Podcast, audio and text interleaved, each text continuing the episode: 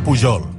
Bon dia, és la una. La pressió hospitalària va més arran de l'augment de contagis de coronavirus. Segons el Departament de Salut, en les últimes hores 45 persones han ingressat amb Covid-19 i ja són 1.389 els pacients als hospitals. D'aquestes, 381 estan a les UCI, són 5 més que ahir. En 24 hores s'ha notificat, a més, més de 8.300 positius i 19 morts. Pel que fa als indicadors, es disparen. La incidència acumulada a 14 dies puja més de 150 punts fins als 1.230 47 casos per cada 100.000 habitants. També ho fa el risc de rebrot, que creix fins a gairebé 1.700 punts. Són prop de 270 punts més que ahir.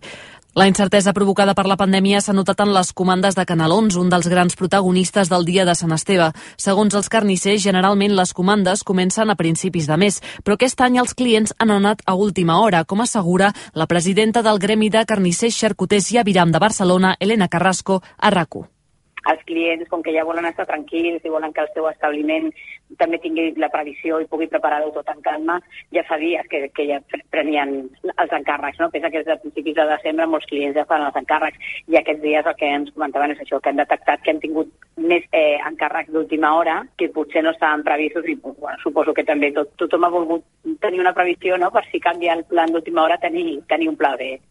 Les restriccions que va aprovar el govern fa uns dies han provocat algunes cancel·lacions en cas de clients particulars, però també han afegit encàrrecs nous d'aquells que finalment han decidit no sortir a dinar i que al final menjaran a casa. El govern repartirà copes menstruals als instituts gratuïtament. També distribuirà altres productes reutilitzables d'higiene. La consellera d'Igualtat i Feminismes, Tania Verge, ha explicat en una entrevista a Europa Press que es tracta d'una estratègia per portar l'educació sexual a les escoles. Hem de seguir treballant amb, amb la franja d'edat més jove que és la que ja està plenament digitalitzada, que ha nascut amb tota la tecnologia vigent, per ser conscient que la violència masclista també es pot canalitzar a través d'aquestes eines i un treball específic en, en sexualitats, en educació sexoafectiva, per establir aquestes relacions des del, relacions des de, afectives des del respecte, des de la igualtat. Els productes que es reparteixin aniran acompanyats d'informació sobre el cos i la menstruació. I també us expliquem que dues persones han resultat ferides lleus en un accident al carrer Anten Defensa de Barcelona, els bombers de la ciutat han hagut d'alliberar un dels ferits que havia quedat atrapat dins el vehicle. Un d'ells ha estat traslladat a l'Hospital Clínic i l'altre a l'Hospital Vall d'Hebron.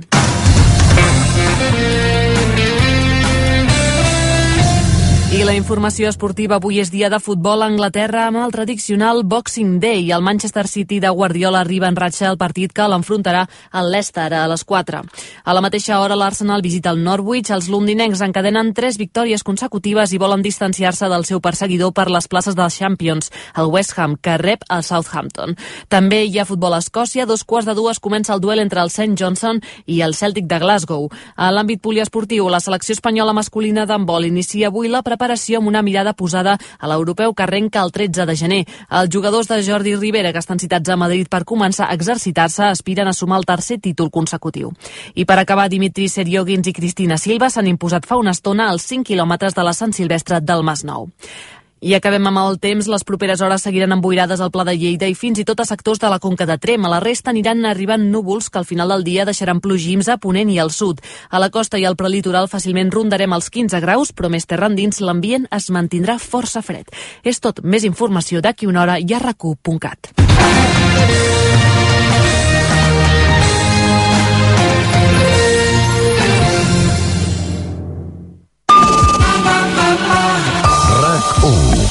Bones festes. A RAC1. No hi som per Sant Esteve amb Jordi Beltran.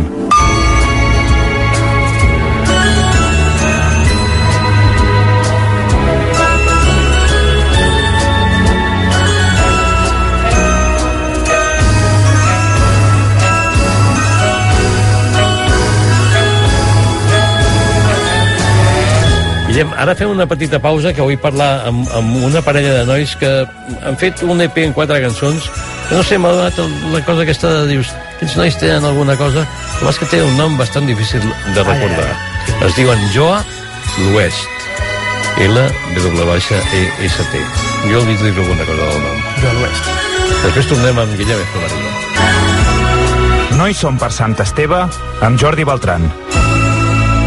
Pa-pau,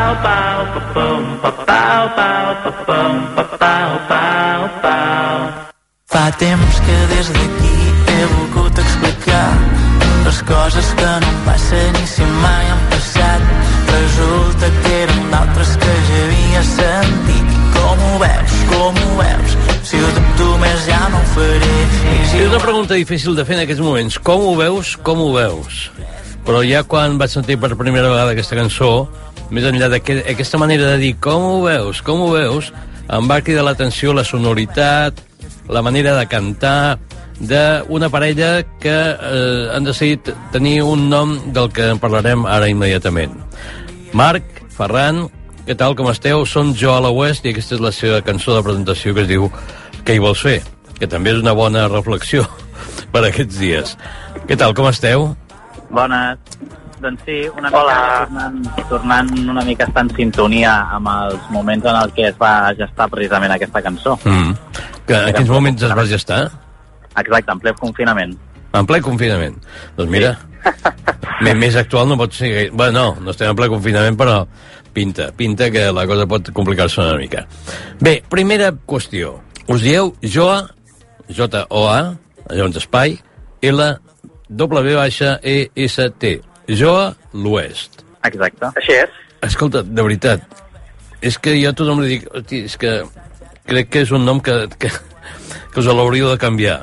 Mira, sí, sí. Com vau decidir arribar a, a dir-vos jo a l'oest? T'ho dic perquè quan li dius algú com us dieu, diuen què? Ah. Com? Què? No, o sigui, costa molt de visualitzar-lo, com a mínim. Sí, bàsicament aquest nom va, va sorgir de, doncs clar, en època de confinament a través d'una videotrucada, una de les tantes videotrucades que vam fer amb, amb en Ferran, doncs clar, havíem de decidir un nom perquè ens, ens presentàvem al Sona Nou i, i bé, eh. ens un nom i en aquell moment doncs mmm, no, no volia presentar-me com a Marc Esteve, després si de cas expliquem com, com es forma, eh? però en mm. un inici eren, pues, era jo el que cantava i per tant pues, una de les possibilitats era pues, presentar-me com a Marc Esteve però no em semblava pues, just yeah. ni, ni, ni lògic, ni lògic sent, sent dues persones i llavors doncs, amb una d'aquestes converses vam començar a fer una mica de pluja d'idees i vam arribar a una frase en, en francès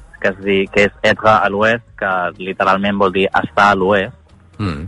i, que va, bueno, i que vol dir doncs, ser un llunàtic, ser un raret, ser diferent. I aquesta expressió ens va agradar i la vam voler adaptar a un nom i un mm. cognom. Sí. I, uh, llavors vam adaptar aquesta expressió a jo, a l'oest, i llavors l'únic que vam fer és que la partició de les paraules va ser aquesta estranya, però alhora bueno, ens, agrada, ens agradava la sonoritat que tenia i com que fos una mica críptic també. també. Yeah. En definitiva, bé, no sé, en aquell moment ens va semblar com molt bon nom. Sentiu de fons com una mena d'alarma o de, de senyal d'atenció és que tenim el Ferran que està a punt d'agafar un tren. Estem fent una, una entrevista Verité, però al 100% gairebé. Bé, escolta'm, aleshores, us munteu com a parella musical, feu un duo, per què? Perquè us coneixíeu d'abans, perquè ja us caigueu bé, perquè a una excursió vau trobar que teníeu moltes coincidències? Sí. Bueno, si no arranco jo, eh? Sí, quasi millor, perquè em sembla que el Ferran Ah, sí, Deu estar tapat per un tren, espero que no sigui bé, res greu, eh? En Ferran i jo ens coneixíem des de fa ja doncs, ben bé sis anys, ben bons, perquè vam treballar junts a una casa de colònies com a, com a monitors. I ja des de des d'aquells anys doncs, eh, ens havíem adonat, com tu deies, que, que, bueno, que teníem interessos en comú, que ens agradava la música, vam, anàvem a concerts junts, fèiem viatges... Bé, en definitiva, doncs, teníem aquesta amistat i a l'hora de, de posar-me a fer cançons en el confinament, doncs vaig trobar que necessitava una mica d'ajuda en, en tot el tema de les lletres, perquè què hi vols fer? Sí que era un tema que vaig, diguéssim, parir jo de, de, de cap a peus, però em vaig, em vaig trobar estancat i vaig dir, ostres, aquí necessito algú que, que posi una mica de lletra a les meves mm -hmm. músiques. I així és com va ser, tal qual. Li vaig dir, Ferran, tinc música, vull fer, vull fer alguna cosa, però, però em falten idees. I ell es va bueno, va estar molt predisposat. I reprèn el son legítim que bons i dolents marxem ara que ja he vist caure la nit, la sort i l'incert. La nit, la sort i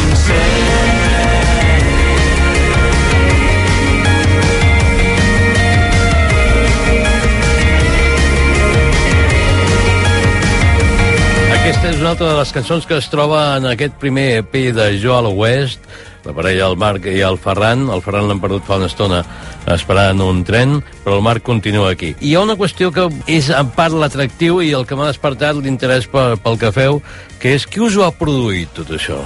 Bueno, aquestes quatre cançons, de moment.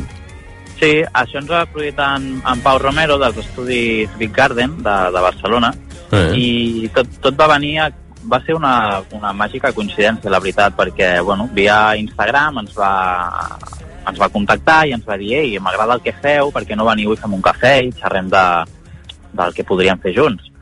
Uh, I llavors en aquell, bueno, dies després, quan vam quedar, ens vam adonar, quan ens vam reconèixer en persona, en Pau i jo, perquè en aquell moment hi vaig anar només jo, ens vam adonar de que ja ens coneixíem de feia doncs, pràcticament mm, 15 anys. Eh. I és que en Pau havia vingut a Rubí a fer classes de guitarra i jo havia estat alumne seu en un Ah. període molt curt de temps, però, però sí, sí. I, i sí, sí, mm, no sé si a partir d'aquell punt d'unió doncs, eh, va ser el que va... El que va Però li, li, vau, tot li, li vau demanar una sonoritat especial? Ho dic perquè una de les coses que a mi em crida l'atenció, de, de, és a dir, les cançons són prou diferents i tenen estils prou diferents també, però sí que en algunes d'elles, aquestes com podrien ser eh, Què hi vols fer o la que escoltarem ara, trobo que la veu està molt ben capturada i alhora la sonoritat és com inusual o no massa habitual amb grups de música d'aquí. Si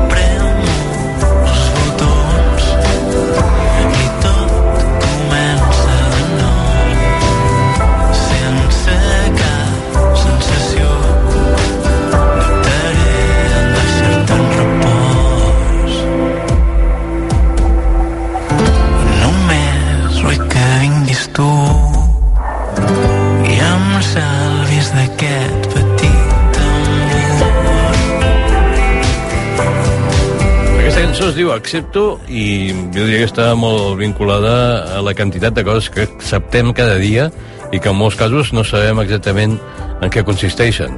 Uh, és la tercera cançó del, de l'EP de Joel West. Hem recuperat el Ferran. Ferran, què tal? Com... Estàs viu? Sí, sí. Val, molt bé, perfecte. Això era el que més Estic preocupava. semiviu, amb, amb soroll d'ambient i el tren a tope, però Va, estàs dins del tren ja? sí, sí, ara Bé. sí. De fet, he, perdut la cobertura per això. Molt bé. Uh, home, mira, m'encanta poder emetre una entrevista per Sant Esteve a una persona que està dins d'un tren. De moment funciona bé. Uh, mascareta a tothom, molt apretats. Eh, prou apretat, la gent sembla que va això, de, de dinars i de, i de sopars, però bé, tothom amb mascareta i tothom, tothom bastant còmode i bastant, i bastant adaptat. Bé, escolta'm, vosaltres quin, què diríeu que és el que us singularitza de respecte a altres grups o altres parelles musicals? Quin toc és el que li voleu donar per dir, no, mm, la gent quan escolti això ha de reconèixer Joel West, que insisteixo, igual és un nom que es pot canviar, eh? Però... No, no, no Veu. voldria, no voldria fer pesat, eh? Però és que, de veritat, costa molt de retenir, la gent no, no entén el nom, no sé allò que dius, eh, els, els cups, no? O una cosa així. Bé, doncs això, que, que, quin element diríeu o quina és la característica que creieu que us singularitza respecte a altres grups de música d'aquest país? Veu, una mica enllaçant amb el que deies abans, no? que, que aquest, aquesta sonoritat amb, que, que vam estar buscant amb, amb en Pau, Mm. precisament és el que és, era un dels pilars com, que ens vam marcar a l'hora d'en- d'entrar a l'estudi. No? Uh, per començar, doncs, aquest tractament de la veu, mm, sí que és veritat que bueno, abans de produir qualsevol cosa, doncs tu poses una mica en comú els teus gustos, les teves idees, i al final el produc la figura del productor, eh, la seva feina és bàsicament mm, traduir totes aquestes idees que tu Mhm. potser tens. Sí, sí. Doncs eh, el paper que va tenir el Pau en aquest cas era agafar totes aquestes idees i, i fer-les aterrar, no? I llavors, si bé nosaltres teníem influències a nivell de, com, com bé deies, de la veu, eh? doncs eh, Mhm. d'aquelles veus radiofòniques que, que feien els Beatles eh, o més, més, mm, més després Radiohead també, Sí. inclús um, esmentant el referent per excel·lència per part meva com és Pau Vallvé, doncs també doncs una, una mica buscant aquestes sonoritats, eh, però alhora no tancant-se en absolut a experimentar una mica perquè al final un, un estudi és això, és un, Yeah. en paraules del Pau, eh, que també em van agradar molt, del Pau Romero, que deia això és com un gran instrument i venim aquí a, a, Yeah. a provar coses, no? Llavors, em, si una cosa ens caracteritza, ens caracteritza és, eh, doncs és aquesta, que no ens vam, no ens vam definir en un estil en concret, Mm. i això que comentaves tu és una cosa que comenta molta gent, no? que totes les, can les quatre cançons tenen eh, com caràcters diferents però que alhora sonen molt iguals. Sí, no? mira, I, la- la- l'última, per exemple, a mi no deixa de sorprendre'm el canvi que fa respecte a les tres anteriors. d'un record distret passant per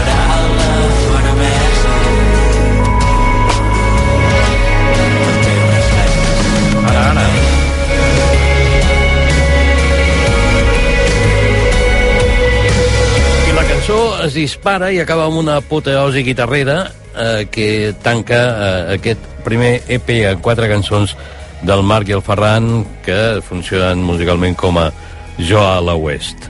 Eh, què és el que voleu transmetre? Això potser m'ho respon el Ferran a, a les lletres de les vostres cançons. Bueno, nosaltres, de fet, abans també us volia, us volia comentar que per mi una de les coses representatives que, que tenim és també eh, enllaçant amb el tema de les lletres. És la nostra forma de, de crear i de, i de treballar. Perquè, clar, bàsicament, el, a, a part de...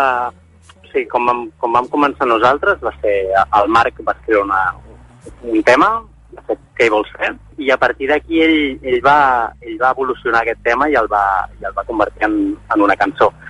Clar, què passa? Després, a partir d'aquí, per dir-ho així, a nivell de lírics se li van com acabar les idees i em va dir, Ferran, idees. I jo com vaig començar a treballar? Doncs va ser escriure textos i poemes Mm. que a través d'Instagram i, de, i de WhatsApp el que fèiem és li enviava i llavors entraven les seves mans. I llavors aquests temes anaven evolucionant a, a quatre mans fins a estructurar-se com a cançons. Mm.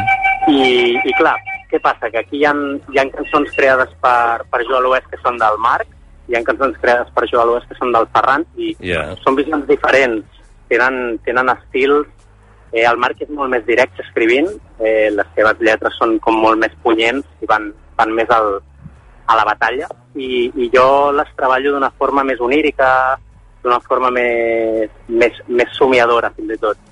I, i bueno, això crec que és un dels temes diferenciadors que, que tenim i alhora també és el que ens transmet la, la música que després acompanya a cada cançó. Si escoltes la lletra i escoltes la música per Mm. separat, les podries ajuntar, perquè les cançons que són més directes tenen una, un toc més pop, més, Sí. eh, més informal, més fred, i les que són més oníriques, les que són més, més somiadores, tenen, són més enrabassades, totes Ja. elles. Sou una parella que està, està debutant ara, perquè, de fet, quan us vau fundar? El març de l'any passat, en plena pandèmia. O sigui, just al Març. principi de la pandèmia, no? estàvem cadascú confinats a casa seva i com que ens coneixem des de fa anys, el Marc va, va presentar-se amb, amb videotrucada i em va dir vull fer això i va ser com Ja. de cap. Bé, jo els hi vaig demanar al Marc i al Ferran que m'enviessin algunes parelles de músics, alguns duos que ells eh, doncs els agradin especialment. Jo pensava que trobaria també clàssics i est vaig estar a punt de proposar fer un joc d'allò de valorar parelles com Simon and Garfunkel o Everly Brothers, tot això, però ells me n'han proposat d'altres. Una d'elles és aquesta.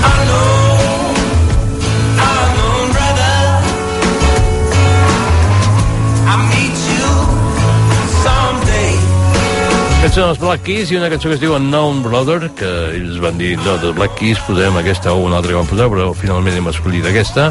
Què tenen els Black Keys que per vosaltres puguin eh, fins i tot ser una referència? Bé, d'entrada, doncs, suposo que, que, que aquesta intenció de uh, intentar fer menys, o sigui, perdó, fer més amb menys, Ja.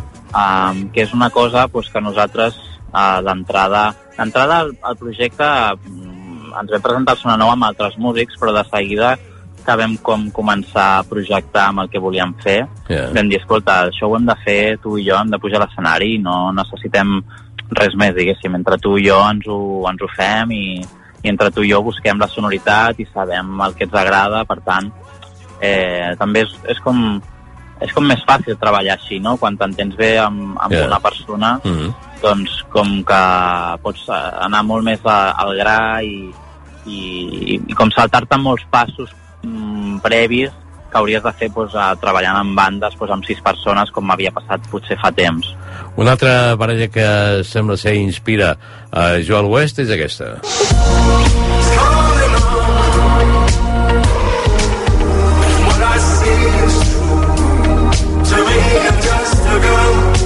Jungle i la cançó Júlia. Jungle sona bastant diferent a, a vosaltres. Què és el que us motiva, què és el que us agrada o què és el que jo dieu, hosti, que s'ho fan molt bé, això? Aquesta és una, una referència que vaig, que vaig posar jo. Uh, sí, no, realment no té, no té res a veure amb nosaltres, però, però em trasllada, em trasllada a altres mons, em, em trasllada a altres llocs la seva música. Uh -huh. És, és així una, una sensació de, de transport que, que bueno, em fascina bastant com ells són molt electrònics, evidentment, i tenen aquest toc punk en algunes, però, però sobretot l'atmosfera que creen és algo que, que per mi és molt, és molt important. Una altra parella que a mi em recorda o trobo que té més connexió amb vosaltres. Just a little bit of danger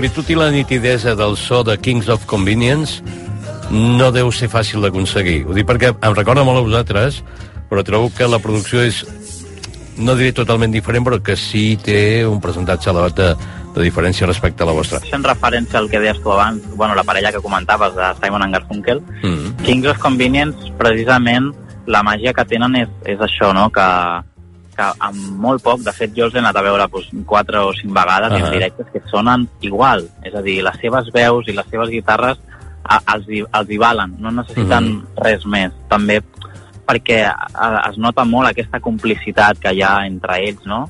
I això és una cosa doncs, que a nosaltres també ens influencia, no? I, i trobo que el símil és adequat per això, no? Perquè entre en Ferran i jo doncs, també tenim aquest, aquesta amistat, no? Que això doncs, ho intentem traslladar a, a l'escenari. Bé, i l'última referència que em vau subministrar és la d'aquests senyors.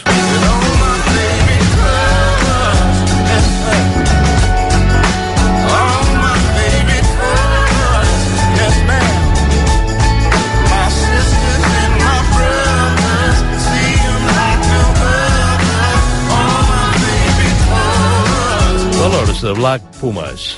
Aquí sí que em costa més trobar la connexió. Qui, qui, qui la va seleccionar aquesta, el Ferran? Aquesta la vaig seleccionar jo, sí. És Black Pumas. Uh, hòstia, la, la història d'aquests dos em, em crida molt l'atenció perquè, bàsicament, e- és molt diferent també la història de, de la nostra, però, però he llegit entrevistes i tal. Fa poc que, que s'ha format aquesta banda i eren dos músics. Un era, penso que és de Nova York, i l'altre era de, no sé si era de Nova Orleans o del sud, i en un dels viatges que va fer el cantant Sí. va conèixer el, el guitarrista, que és, és bastant famós pel sud i per Mèxic i tal, i van connectar.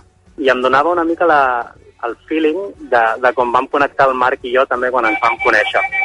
Era un entorn diferent a la música, perquè érem, érem monitors en una casa de colònies, però sí que la música va ser com un, un nexe que vam tenir amb el Marc des del minut 1, i per això he posat aquesta cançó, perquè, Ja. bueno, això, lle- llegint sobre ells, la connexió que van tenir al, al conèixer es nota. O sigui, es nota en totes les seves cançons, tot just tenen un disc, mm. i ho estan patant molt fort.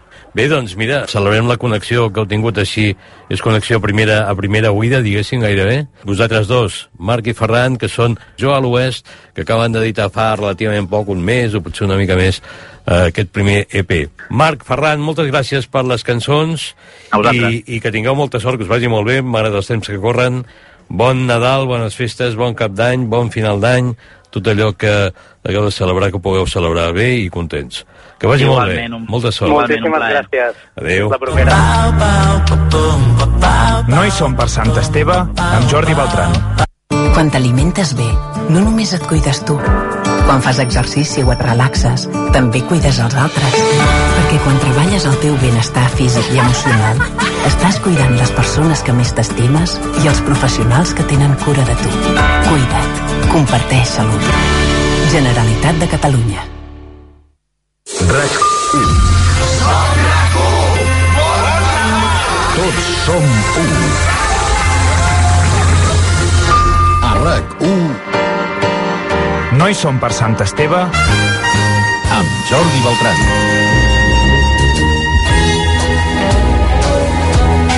I amb Guillem F. Maria avui compartint aquesta jornada de Sant Esteve prèvia o post canalonària Sí. Prèvia perquè Clar, la repetició, no? Depèn. si hi ha llum de dia Clar. diguéssim encara o pot ser que hi hagi, que hi hagi gent que apliqui l'horari europeu de forma molt estricta i a aquesta hora ja s'hagin pres els canalons, els torrons i tot el que Clar. faci falta però n'hi ha d'altres que no, que avui segons com també és d'aquells dies que es dina tard, que s'aparca on vols Sí. això no sé si Bueno, es mantindrà molt depèn temps del o barri, no? També. depèn del barri. Eh, però és un dia en què estem, diguéssim, abans del dia de Sant Esteve. No et preguntaré quins canelons són els teus preferits, perquè l'any passat ho vam comentar. I no sé què et vaig contestar. Sigui, una, una pizza de canelons, una cosa així, de, No, una, un excés, era un excés, Guillem. Però, en fi, Pot ser, pot ser, clar. eh, i també pot ser que ho escolteu a la nit allò dient... "Ah, els Clar, a la nit eh, s'ha de repetir, els- s'ha de fer els, els que han no, sobrat. no, Guillem, no, que no ho recomana ningú ja, això. Jo sí, jo, jo Sí. soc molt de repetir... El caneló, dinar, el, eh? ca- Repetir el, de, el dinar, sí, fer el ressupor amb el dinar. Bé, insisteixo, hem de trobar l'Alessa o aquest altaveu intel·ligent que li diguis fes-me uns canelons i te'ls faci. Nosaltres no us farem canelons, sinó que el que farem serà continuar repassant eh, àpats de celebració memorables d'algunes pel·lícules com aquesta. Pues no me lo creo. ¿Dónde están las lágrimas? Por favor, te quiero. Además, yo no quería un hijo gordo. Mira que lo dije. Ni con gafas. ¿Lo dije o no lo dije? Es lo mejor que hemos podido encontrar. Papá, Ni papá ni hostias. Despedido. Ahora te vas a tu puta casa a aprender a llorar. Y quiero otro hijo sin gafas, que no creo que sea tan difícil. Y que no esté gordo. No quiero pasar el día de mi cumpleaños sin mi hijo pequeño.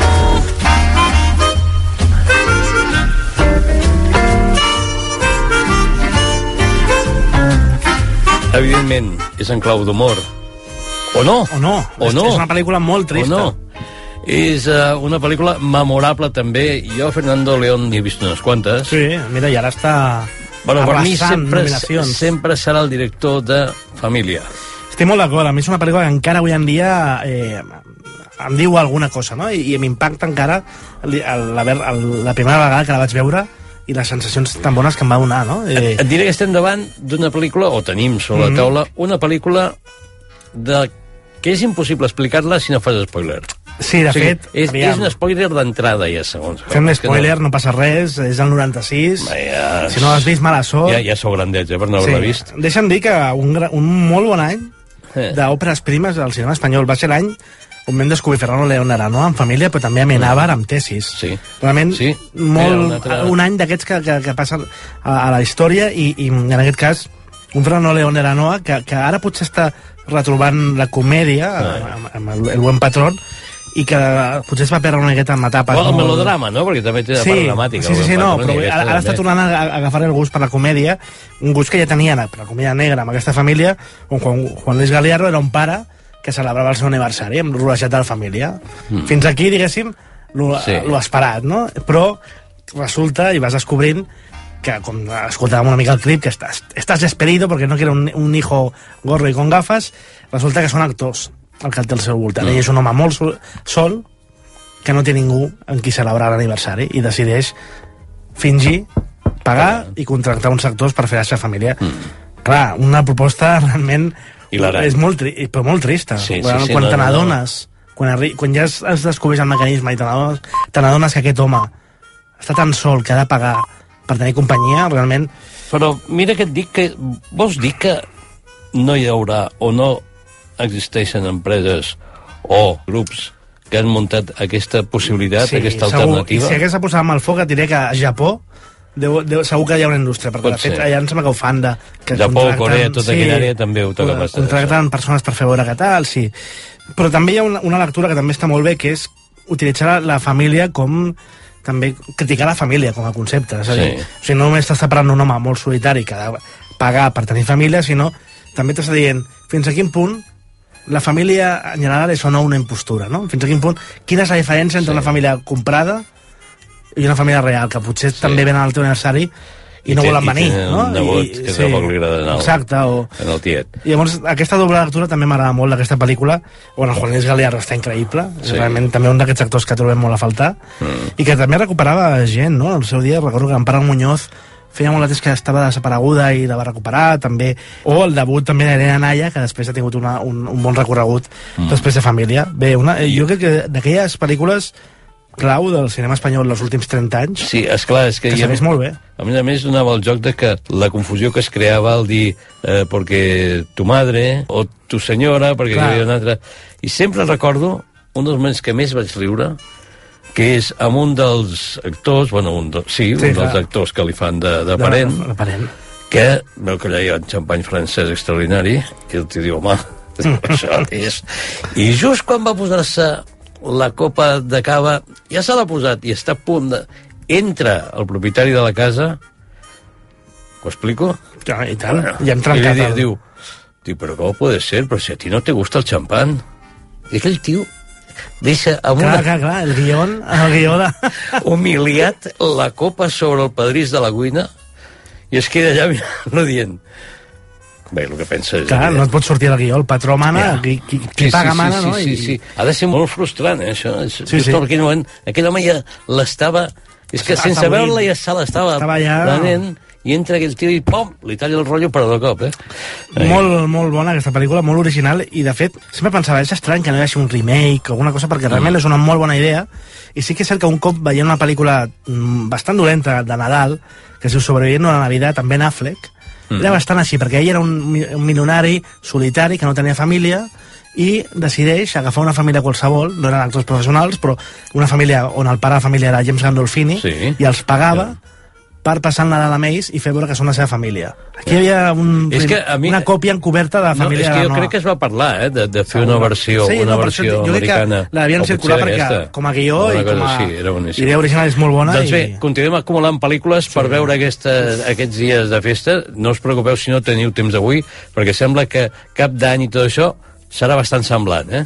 I si teniu uns dies de vacances, doncs mira, Sí, aprofiteu. són les festes de la marmota. Aquesta també és recomanable per veure-la eh, precisament en aquests dies de Nadal. I la que escoltarem ara... És durilla, eh? per- Aquesta, aquesta és, podríem dir-ne, heavy metal. Espero que disfrutéis de una velada estupenda. Y ahora vamos a comer. Este es mi novio. Welcome. Nice to see you back. A este no le has visto antes. ¿Has perdido esto? Me voy. Os presento a mi amigo de la infancia. ¡Hurra! ¡Hurra! ¡Hurra! ¿Me puedes ayudar?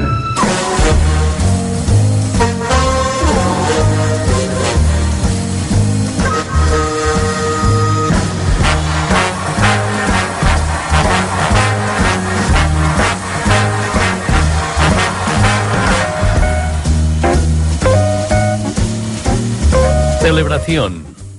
Festen. Festen. A veure, a veure, és una de les pel·lícules Aquí hi ha molta a, tela. amb un àpat familiar més heavy metal que he vist a la meva vida. Formava part d'aquell moviment que se'n deia Dogma, no? Dogma 95, de fet, és la primera pel·lícula oficial del moviment Dogma 95, fundat per Lars von Trier i el director d'aquesta pel·lícula, el Thomas Winterberg, que després, per exemple, hem pogut veure amb Otra Ronda, no? Sí. una de les triomfadores de l'any passat, i que bàsicament era un intent de reformular el cinema des de l'autenticitat, una miqueta com amb l'esperit del Novel Bach, i que és una cosa, també és una mica contradictori, perquè buscant autenticitat el que van dir, una, una cosa també molt nòrdica, van dir normes. Posarem un vot de Sí. castedat, que li van dir, i 10 manaments que heu de complir qui s'adhereixi al dogma. Llavors era una sèrie de normes inflamada. que, de fet, aquesta pel·lícula en trenca un parell i després les pel·lícules que anaven fent de dogma trencaven aquestes normes. Normes des de que no poden haver decorats, tot ha de ser amb localitzacions reals, el so ha de ser directe, no pot haver so en postproducció, no ha d'haver música menys que l'escena requereixi música. Ah. La càmera sempre està sostinguda a la mà, eh, fins al punt que moltes plans són del, els actors al, dintre l'escena roden l'escena. Eh, la pel·lícula en color, no pot haver il·luminació exterior. Bé, una sèrie... de- Tots els trucats estan prohibits, mm. els filtres que tinc aquí, el, els 10 manaments de, del dogma, i els vaig dient, però bé, el format de la pel·lícula ha de ser en 35 mil·límetres acadèmic, malgrat que es rodava ja en digital, eren dels primers que van fer pel·lícules en Betacam, en aquest sentit, o no es poden fer pel·lícules de gènere, un dels, el vuitè manament, i el director no ha d'aparèixer als crèdits. Aquest és el de ser mana- manament final bé.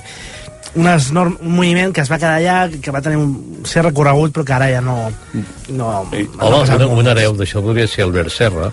Bueno, Albert Serra té el seu moviment propi, és- no? I el seu és, decàleg és, és propi. Un, sí, sí, i, i uns estudis propis. Sí, ell tot és- tot és propi. Tot, tot ho té propi. Però, mira, d'aquest dogma, recordo un altre que es deia Los imbéciles, em sembla. Sí, el, los idiotes, Les, també, sí. sí, els imbècils. És la següent. eh, eh, De sí. fet... I a la ja- segona ja vaig dir, dic, jo ja en tinc prou ja, d'això. em sembla que van arribar a 20 hi ha, hi ha una nomenclatura, de fet, aquesta és dogma número 1, celebració, dogma número 2, los imbéciles, i així segueix, no? Sí. Jo no sóc un gran expert en dogma, Bueno, però la- també em home, tirar molt enrere. I, I Nicole Kidman, com va fer... Això ja no és dogma, Però, és bon trier, és i bon sí que és veritat que ella arrossegava molts tics ja, filmats de del dogma, sobretot el, el, la càmera en mà... Dogville, la, no? Dogville, sí. La càmera en mà, el cinema en digital, però aquí ja, ja trencava algunes normes i ja crec que es va separar més de, del dogma, no? dels nòrdics, Bueno. amb que surtis del cinema... Amb mal rotllo. Sí, com una mica amb una inquietud que Són dius... els grans experts en, en, en purgar tot el que tinguin dintre, no? Potser perquè també Sí, sí, no sé. hi ha societats una mica a vegades um, com ho direm això, reprimides, no? Són gent on premia molts... la- És una cultura on premia més el, la, la façana, el, el quedar bé, a l'aparentar certes coses i, i la resta s'ho guarden a dins. I jo crec que a vegades però alhora són els primers que a nivell cinematogràfic han sigut molt habilidosos en, en parlar d'això, no? No, home, no, i de vegades va bé que, et, que et plantegin temes Sí, sí. que et facin allò... No, i el teatre, el cinema... Sentir una mica tenen incòmode, una gran tradició no? de, de tocar temes que potser... Aquí potser som més... Eh, allò, ho, ho explorem més cap a fora, però hi ha molts temes tabús que aquí no es parlen, no? I, i a la societat, per exemple, mediterrània o catòlica, no? que tenen algunes diferències també entre Dinamarca i la societat d'aquí, i en canvi ells s'atreveixen a tocar aquests temes. En aquest cas estem parlant de l'abús infantil, no? l'abús sexual a, a, a la pederàstia i, i una celebració increïble, no? el 60 aniversari d'un gran patriarca, d'una família molt rica, que es troben a un lloc idíl·lic, una celebració que dura tot el dia, i allò dels discursos, no?, que es van succeint, i quan arriba el discurs del, del fill gran, esclata la bomba. Aquí està. Diu, Mm. Te'n recordes, pare, quan eh, Pam? feia, feies allò, em feies allò a la teva habitació i clar, esclata aquesta bomba, aquesta acusació de- d'abusos sexuals que primer arriba com una bomba incre incrèdula, no? que la resta de convidats no volen ni creure i, i, i acusen a l'altre del que està dient, però que tot a, a poc a poc es van retorçant de tal manera que tot acaba sent com una espècie de gairebé d'exorcisme, no? o de, d'un exercici de, de, de purgar tot aquest pecat i, i d'expulsar de la comunitat aquest pecador, no? I és una, també és una cosa molt, molt protestant, aquest, Mm. aquesta posant en escena que els mateixos protagonistes realitzen, no? És cert que l'estil aquest de dogma eh, li porta una, un, un caliu diferent, no? Com que est- estàs dintre del que succeeix, Sí. però que et deixa molt mal cos aquesta pel·lícula per, perquè... Per tant, aquesta, Molt mal rotllera, sí, aquesta sí. no la recomanarem per aquests dies. No, jo crec que... Sí, I, si i a més algú- costa molt de trobar, mira, el que deies abans, Mm. no, no es troba No enlloc ara mateix de plataformes i, vaig, i, i de fet vaig haver de recórrer no és pirata, el que tu deies Ar archive.org Ah, sí. aquesta gran web que recull Sí. coses sense drets eh, a l'internet de, tota, de totes les èpoques, tot el que es pugui allà encara la pots trobar subtitulat en castellà l'única còpia digital que he pogut trobar perquè si no ja tot seria en format físic Doncs ja sabeu, si teniu allò de dir, mira, jo en la família PAM, doncs mireu aquesta pel·lícula i a veure com us queda el És cos per ca- després. cagar-te Ah. en la família directament. Sí, perquè- ja, ara ho has dit. Anem a un altre que treballa molt més al sentit de l'humor, sí, sí, sí, amb aquest senyor que es diu Borat. ¿Es correcto? ¿Llevo invitados a cena? Si le hubieran invitado a una casa o a una fiesta, ¿Eh? eh, eh, sería aceptable llevarlos siempre que preguntase antes al anfitrión. Sí. Soy Lunet. Ah, hola. ¿Qué festejo tenéis montado? Estábamos en ello, aunque ya, ya no sé muy bien qué estamos haciendo. Creo que se está haciendo muy, muy Le tarde. ruego que me disculpe, debo irme a casa. Ok, Eh, es un Se gusto. está haciendo muy, muy tarde y creo que ya ha llegado el momento de, bueno, de dar por terminada la cena y, y todo lo demás.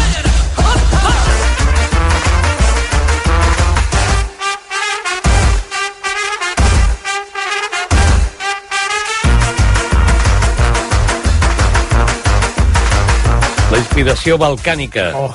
de Borat. He de reconèixer que no he vist mai Borat. In- So- soc un pecador. un dia, Soc intenta- un pecador. No, Mi, bueno, mira que mira. també el meu fill a mesura que anava evolucionant, primer va començar en Hook i després en Borat, Clar. i potser per això de la insistència vaig dir no, és A que vegades no. passa, insisteixes massa i jo... Sí.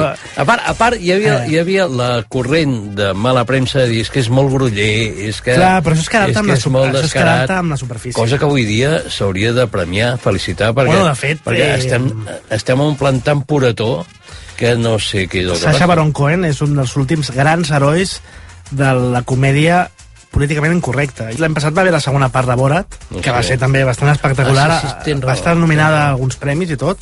I després va fer la, la, de, la, de, la, la del diari, bueno, la del conflicte de Ah, Chicago. bueno, sí, de fet, la, va, la arribar a fita de estar, Chicago, va estar nominat per als dos papers, els Globus d'Or de, de Ah. les dues pel·lícules. Eh, donant mostra no, de, de versatilitat, versatilitat d'un Sacha Baron Cohen, que encara, ja et dic, encara fa aquest cinema políticament correcte, també va fer una sèrie Però, clar, parell aquí- que és Who is America, que és brutal. Però aquí tothom surt Malparat. Malparat. Per tant, Sí, o el sigui, tema tothom és- s'indigna amb Borat, Sí, per dir d'alguna el manera. tema és que amb el O seu personatge- Que, sí. que sigui puretó. amb aquest personatge de Kazakhstan, no? un reporter que de, de sobte el posa als Estats Units i amb aquest format de fals documental va creant situacions on a, el seu xoc cultural, diguéssim, fa que els nord-americans reaccionin de certa manera, no? I això el que acaba fent és com un mirall on es va trobant que aquestes aparences nord-americanes, que, que també els agrada molt quedar bé no? davant de, de l'estranger, denota certa incultura davant d'una persona estrangera, però també certa sensació de, de voler assimilar els estrangers i americanitzar-los. De fet, mm. aquesta escena m'agrada perquè és un sopar i, a més, en paral·lel, fent la pel·lícula ell, eh, fa com classes de, amb, amb una experta de protocol i què he de fer davant d'un sopar Mm. mm. si em conviden i tal, no? Llavors, a, a, a, a, veus eh, el muntatge paral·lel de les lliçons de què he de fer en un sopar versus el que fa realment i que, gags que va creant, no? des d'anar al, al, al bany i aparèixer amb una bossa amb els seus excrements i això no, això no ho llenço i clar, els altres flipen No, o no, si tenir amb un una prostituta brutal.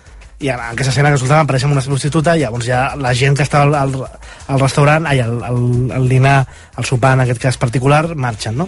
Eh, era una miqueta veure això, les lliçons de com has de reaccionar davant d'un sopar on et conviden, i en aquest cas com ho trenca tot el Borat, posant incòmode els seus hostes, que, que bé, és una escena molt divertida i, i que jo recomano molt entrar al món del Borat, perquè realment és això. eh, La recomanem ja, ja no queden...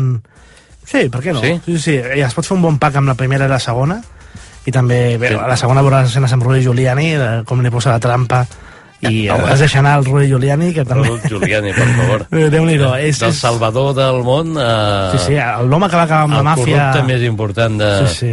del món. Mira, ja que parlàvem de màfia... Destrozarás a tu padre en su cumpleaños. Has hecho bien, Mike. Enhorabuena. Eso encima, anímale. Venga, dame una copa. Vamos. No lo comprendes. Tu padre tiene planes para ti. Muchísimas veces hemos hablado de tu futuro. Hablaste con mi padre de mi futuro. Sí, sí. Mi futuro. Mike, él espera mucho de ti. Yo tengo mis propios planes para mi futuro.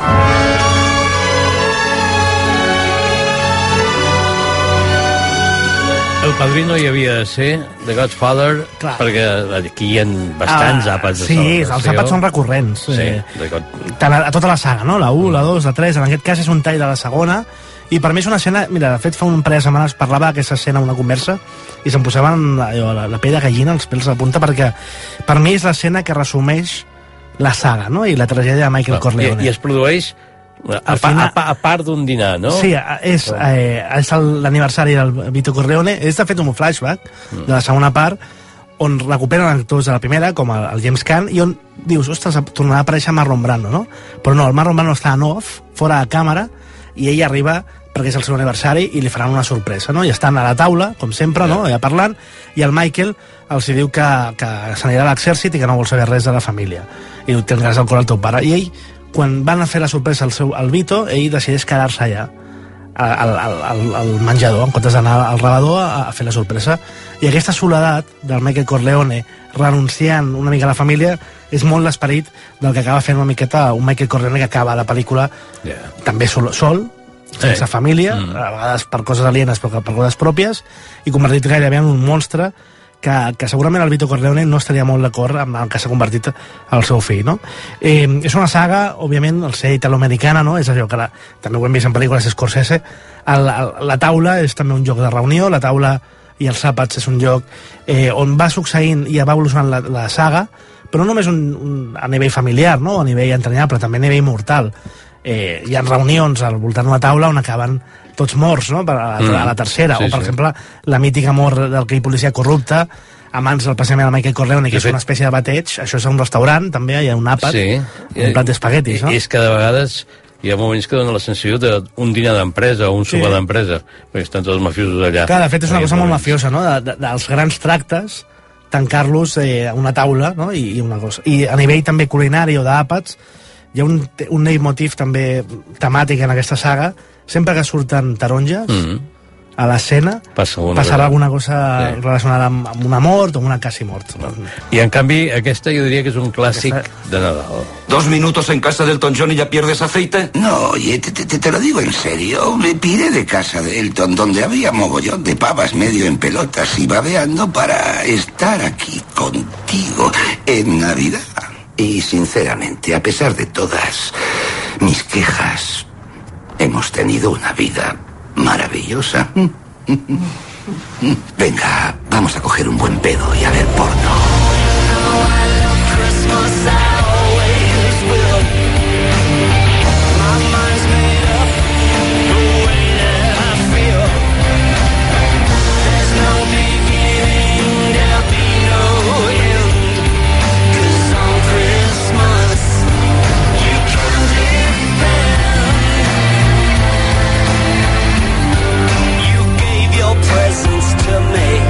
La versió que es va fer per eh, Love Actually Sí. del Love is All Around, que s'havia fet famós també a Quatre bodes i un funeral. escrita per Richard. Curtis, director d'aquesta pel·lícula. Pel·lícula. Tot, tot queda a casa, és eh, Love Factory, i és la culminació d'aquella dècada prodigiosa del cinema britànic, on van ser capaços de patentar la feel good movie, no? Eh, aquestes comèdies de bon rotllo que, que, que ens encantaven, no? Quatre bodes i un funeral, Full Monty, mm. i aquesta pel·lícula el 2003 va culminar, i a més a, a, amb la perversió total de la cursileria, diguéssim, que és fusionar dos gèneres com la pel·lícula romàntica amb la pel·lícula de Nadal. I sí. ja és un mega hit, és com los Vengadores de, de les pel·lícules romàntiques Aquesta no diré això, que cal recuperar-la perquè segur que... cada, cada any cau, és Cada el any nou que havies vivir, no? Hugh Grant, Emma Thompson, Liam Neeson, que era Niley, Bill Nighy, Laura Linney, era un repartiment brutal i una pel·lícula de Nadal, el Colin Firth també, on potser eh, havien celebracions puntuals, havien des de funerals a casaments, però que en el fons tota la pel·lícula seria una miqueta el desig de cadascun d'ells de trobar aquelles persones amb qui compartia l'eventual Mm. la celebració o àpat de Nadal, no? perquè tots estan buscant una miqueta amb qui compartir la vida, t- són eh, diverses històries amoroses o desenganys amorosos Jo de variats per acabar trobant aquella persona amb qui has de compartir de que dir- potser no, no has de compartir I ara en guanyaré no? alguna pedrada d'algú, va, una pedrada, però vull dir que, que diu aquest ara, que és que no, no m'havia posat a veure-la mm, fins fa un parell d'anys. Bueno. I precisament una nit de Nadal vaig dir, vaig veure va. el Love Actually, a veure què, ja m'ha de cebre. massa expectatives, Eh, sí, massa que expecta- jo- expectatives jo- molt pel sí, hype Sí. clar, normal I hi eh, havia personatges allà que no m'acabaven de, de aviam, quadrar. és una pel·lícula de cursi, és així però Sí. va caure també que No, no, sí. té, Ei. aquesta, té aquesta, aquest misticisme I fa Nadal, i fa, fa, Nadal. fa Nadal, eh? ja Això està no. molt ben portada, Mm. és allò, la música, els personatges, mira, jo em quedo més amb el Bill Nighy, aquest personatge que hem posat al clip, Mm. però potser és la, la història més diferent, no? I que té una miqueta més amb el tòpic de, ai, hem d'estar tots enamorats Ja. i en parella al Nadal. Que suposo que el deurien incloure al guió, també, per, per, perquè donés aquest contrapunt, no? Sí, Diu, eh, així és- trencarem és- una és el mica personatge més- tema. I és el, i el, que, és el que has escollit tu, eh, Pillín. Fem una petita pausa, ja que estem així Sí. en aquest terme. Sí, després tornem aquí mateix. A RAC1 No hi som per Sant Esteve amb Jordi Beltran. Vine a jugar a la plaça. A plaça? La més guai, la de la ciutat de la diversió. Activitats de mobilitat, esports, cultura i molts, molts jocs. I grans i petits entrem de franc. Nosaltres vindrem a jugar. Vine a la ciutat de la diversió. Del 27 al 31 de desembre a la plaça de l'Univers. Recinte Montjuïc de Fira de Barcelona. és Nadal a RAC1. Sí. Oh, benvinguts. Passeu, passeu. Això de Navidades Blanques ho diuen per la Betxamel? Jo crec que sí. RAC1. Sí? Tots som Bon Nadal. A RAC1 No hi som per Sant Esteve amb Jordi Beltran. I amb Guillem i Famarí avui compartint aquesta jornada de Sant Esteve, repassant eh, àpats de celebració memorables. Mira, jo diria que la pel·lícula a la que, que tancarà mm. aquest repàs que hem fet d'àpats de celebració en el món del cinema, jo diria que podria ser Parenta, una mica Sí. de Love Actually, però potser és perquè és anglesa. És anglesa, però és una que suposo que també molta gent ha vist, i que és la història d'uns amics que van a veure a un amic que els convoca per una reunió. I després descobrirem per què. Per què? Just to keep you all up to date, uh, we're down now to six. Carol's gone. And uh, Andrew's a bit upset about it, so I wouldn't mention it if I were you. And Brian has also gone. I'm not upset. And you can mention it all you like. Anytime.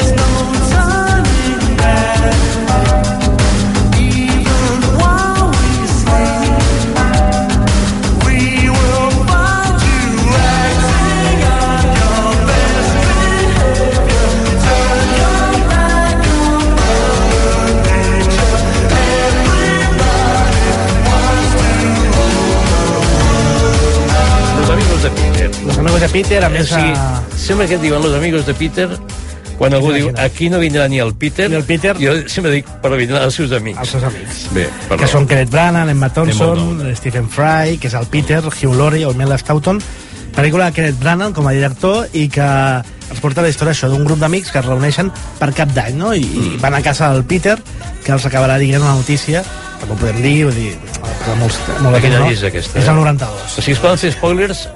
Depèn, Jo sempre faig quarantena Depèn de quin any spoilers. és la pel·lícula o... Per mi, o sigui, per... No, sí, sí. jo faig una finestra de 2, 3, Bueno. 5 anys. No? Com, Si no, podrien està dir, com ho podrien dir per no ser tan, tan descarats amb el tema de els hi donarà l'espoiler? una notícia sobre la seva salut. Salut. La seva. Però que al final I a més, direm, i no és bona. no és bona. No és bona. Però en certa manera també els permet deixar enrere certes coses per tu, negatives a la vida de cadascú per retrobar l'esperit de l'amistat i dir, mira, Sí. és que potser no val la pena que estiguem aquí pensant en les penúries que tenim i anem a, a, a l'essència, no? la bàsica, perquè som amics, perquè ens ho passem bé, perquè connectem com a nucli, no?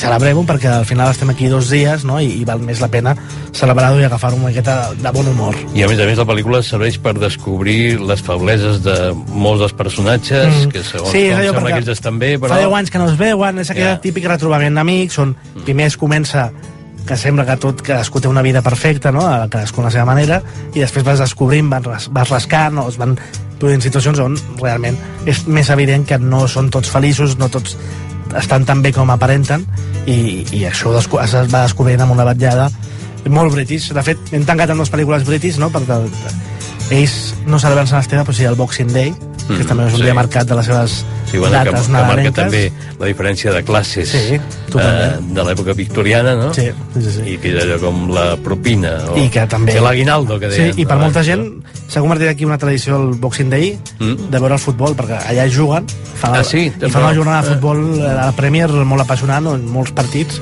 i com que aquí no hi ha lliga al Nadal, doncs, molta gent veu premi a la, a Sant Ja. Esteve. Jo la recomanaria per veure aquests dies també per descobrir si algú no coneix Stephen Fry. Oh. A més, aquí surt eh, el Dr. House també, Hugh Laurie. Hugh Laurie, que Eh, és a dir, en aquella època feien un programa que era A Bit of Fry and Laurie, Sí. on ells feien gags, mm. programa monumental. Hi havia un repartiment estel·lar de, de l'escena britànica en Sí, aquell moment. de- no, una nova generació que representava també Kenneth Branagh i Emma Thompson, que eren parella. Per cert, Kenneth Llavors, Branagh Kenneth Branagh està a punt de guanyar l'Oscar, eh? Compte que és un dels favorits per? en Belfast, la seva nova Belfast. pel·lícula sobre la seva infància a Belfast. Ah. Encara no l'he vist, encara no s'ha No. estrenat, però diuen que és una pel·lícula de les millors pel·lícules de feia l'any. temps que no sabia res d'ell. Semblava que estigués una mica muerto, però va aparèixer i ara està millor que mai a nivell laboral. Yeah. Director de Thor de Marvel Studios. Eh, director de les pel·lícules d'Agatha Christie, de Orient Express, que també ha guanyat moltíssims diners. Eh, director de Cenicienta en Disney. S'ha posat en el món dels blockbusters. Va, va, va. És el malvat també de Tenet, de Christopher Nolan. Sí. Està més, me, millor que mai, realment, a nivell Doncs, laboral. Una cosa no, després, sí, Dunkerque també. Dunkerque, Dunkerque Sí, sí, amb també Kenneth Branagh va repetir a Tenet. I et dic, està com a director de blockbusters. Ara fa una pel·lícula més personal, Belfast, però eh, el tenen allà com a un dels millors del moment en quant a habilitat Ja. per treballar amb els estudis. I jo recordo que havia primeres pel·lícules seves amb Emma Thompson. Que Sí, era- Mujer Todavía. Sí, i que eren molt més Ja, psicològiques, sí. eren, aspiren molt més a ser un Hitchcock passat És per, que, per bueno, un ell sempre molt li tirava no molt sé. aquesta cosa d'intentar ser un Hitchcock o un Laurence Olivier, Sí. sempre estava com a l'ombra Eh, eh. dels que intentava imitar, no? Jo crec que després a Hamlet, que va ser com una, una cosa molt èpica, li va costar trobar el seu, el seu espai i ara estava, jo ja dic, en blockbusters mm, brutals. Belfast I en Belfast una pel·lícula més personal Doncs, i no sé eh, quan tornarà al món de, de Shakespeare, que algun dia Tornaré a tornarà. recuperar Kenneth Branagh. Sí. En tot això que has dit dels blockbusters me l'havia Ja, ja, perdut. Jack Ryan va dir... Com a director. Molt, eh? molt, molt curiós per la seva, el seu gir cap als Molt bé. blockbusters.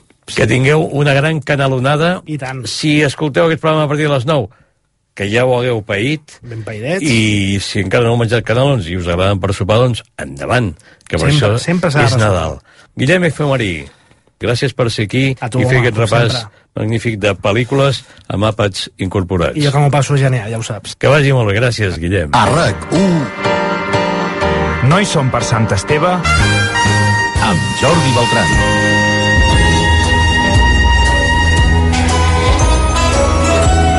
Doncs fins aquí, fins aquí ha arribat aquest No hi som per Sant Esteve d'aquest any 2021, que d'aquí cinc dies acomiadarem amb unes ganes també com el 2020.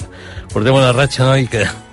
En fi, hem recordat pel·lícules on hi havia àpats de celebració i n'hi ha tres que se m'han passat, que no hem recordat i que volia recordar ara mateix. Dues d'elles estan dirigides per Ang Lee, una es diu Enquete de boda, és la història de dos eh, xinesos gais que viuen a Nova York i que per tenir contenta la família simulen un matrimoni, diguéssim, de conveniència, fins que es destapa tot, hi ha un banquet, eh, era una festa. Recomanable també per aquests dies. L'altra de Ang Lee és Eat, Drink, Man, Woman, que es deia Comer, Beber i Amar, i que també és una pel·lícula on hi ha molta cuina i també hi ha eh, molt dinar i molt sopar de celebració i de vegades no tant de celebració. I una fonamental és una que mm, va tenir molts premis i que es deia el Festín de Babet, Babet's Feast, i que explicava la història d'un petit poble a Dinamarca on eren molt puritans i aleshores tothom vivia com així, com molt reprimit, fins que arriba una francesa, una dona francesa,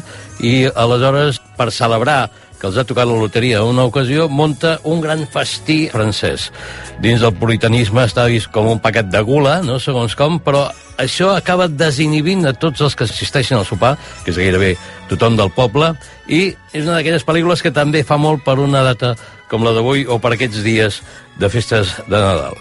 Novament, gràcies per ser-hi, que tingueu molt bon Nadal, que vagi bé la sortida d'aquest any i l'entrada de l'altre, una abraçada molt forta i moltíssima, moltíssima bona sort.